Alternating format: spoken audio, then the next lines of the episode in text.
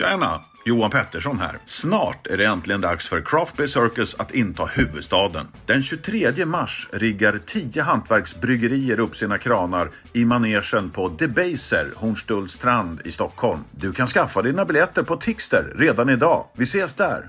Tjena! Ölvärldens Julkalender! Lucka nummer åtta. Va? Robert, det här går ju fort och enkelt, va? Eller hur? Ja. Ja, snart är det jul. Nu är det jul igen. Nu är det jul igen. Ja, nej, men det är, jag är taggad på den här luckan. Det här är också en liten sån här klassiker, Mikael, va? Det här är ju absolut en klassiker. Om inte annat som man bara tittar på etiketten så snackar vi om en, en, en öl som känns klassiskt direkt i alla fall. Ja, och jag blir alltid lika fascinerad. Får jag läsa eller vill du presentera ölen? Det är ju från Ängöl som är deras Jenny Nyströms julbrygd originalet. Ja, originalet. Och då vill jag läsa. Denna butelj är ett hantverk från Kalmar där konstnären Jenny Nyström kom till världen 1854. I granngården bodde Jennys morfar Jonas Bergendahl som var mältare. Han förädlade korn till malt som Stagens bryggerier bryggde öl på. Med tiden kom Jenny att med sin pensel bli julens kreatör och jultomten skapare i sin röda toppluva. Tomten med ölsejdlen är ett porträtt av Jennys egen far, Daniel Nyström. Alltså vilken, de lyckas knyta ihop säcken Mikael. Ja, det är så vackert. va?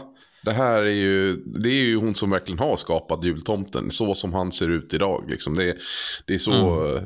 det är rätt äh, mäktigt faktiskt. Ja det är det. det är det. Han röker pipa på etiketten och han dricker ju en så här riktigt eh, stop heter det va? Är det inte ja. det? Ett sånt tändstop. Mm. Tändstop, exakt. Ja, jag har ett tändstop. Jag har aldrig provat att dricka öl ur det däremot. Jag har till och med fyra tändstop.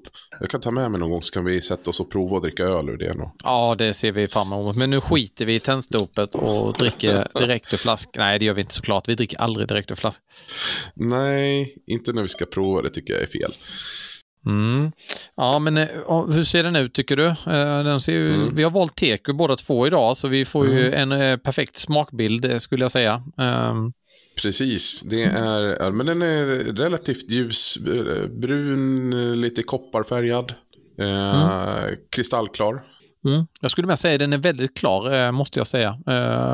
Ja, kopparfärgad tycker jag är jättebra. Beskrivningen och ett fint litet kompakt, lite ljusbrunt skum kanske. Mm. Lite sådär. Mm. Ja, lite precis. Men det är väldigt bra. Det känns som skummet ligger kvar perfekt länge mm. också. Sådär. Inte bara försvinner. Det är en del lite så här lättsamma torkade frukter, lite knäckigt, lite maltigt, mm. lite karamelligt skulle jag säga i doften va? Mm, men jag känner också en hint av apelsin. Jag vet inte om det... Mm. Det kan mycket väl vara så att de har haft lite apelsin i denna, eller så är det bara humlen som ger upphov till apelsin helt enkelt. Ja, nej, men precis, exakt. Mm. Mm. Ja, det, här var, mm.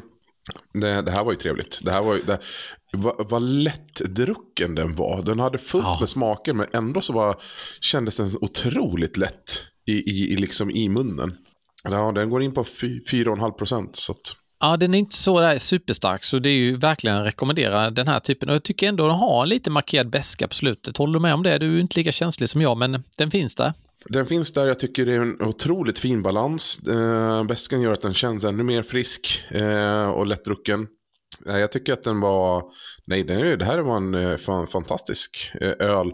Den här är ju, i och med att det är så lite, lätt, lite lättare, 4,5%, du kan dricka många av den. Jag känner att det här, mm. det här var lättdrucket, verkligen. Ja, det, var, det är ju liksom mellanöl om man tänker sig den gamla skolan lite grann va? Då tänker ja, man sig precis, att det... Precis.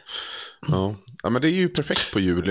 Det här är väl mm. kanske dagsdrickat till, till eh, jullunchen kanske.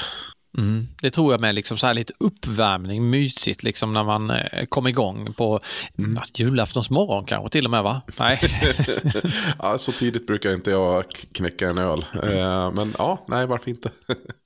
Ja, men vi, vi, kan konstatera en, än en gång att Johan Håkansson med sitt gäng i Kalmar eh, vet hur en julöl ska göras. Eh, det kan mm. vi ju slå mhm. fast. va? Därför det är alltid lika bra hög nivå på det där som de får ut ur sitt bryggeri. Det måste jag ändå säga. Det här är väldigt gott. Och eh, bara etiketten i sig, Mikael, den har ju liksom ett fantastiskt eh, fin eh, ett värde att ställa fram på julbordet därför den andas ju jul mer än många andra får man ju säga.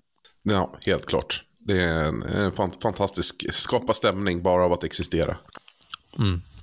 Ja, vi eh, blickar framåt mot eh, nästa lucka. Så säger vi Skål och god jul! skål och god jul!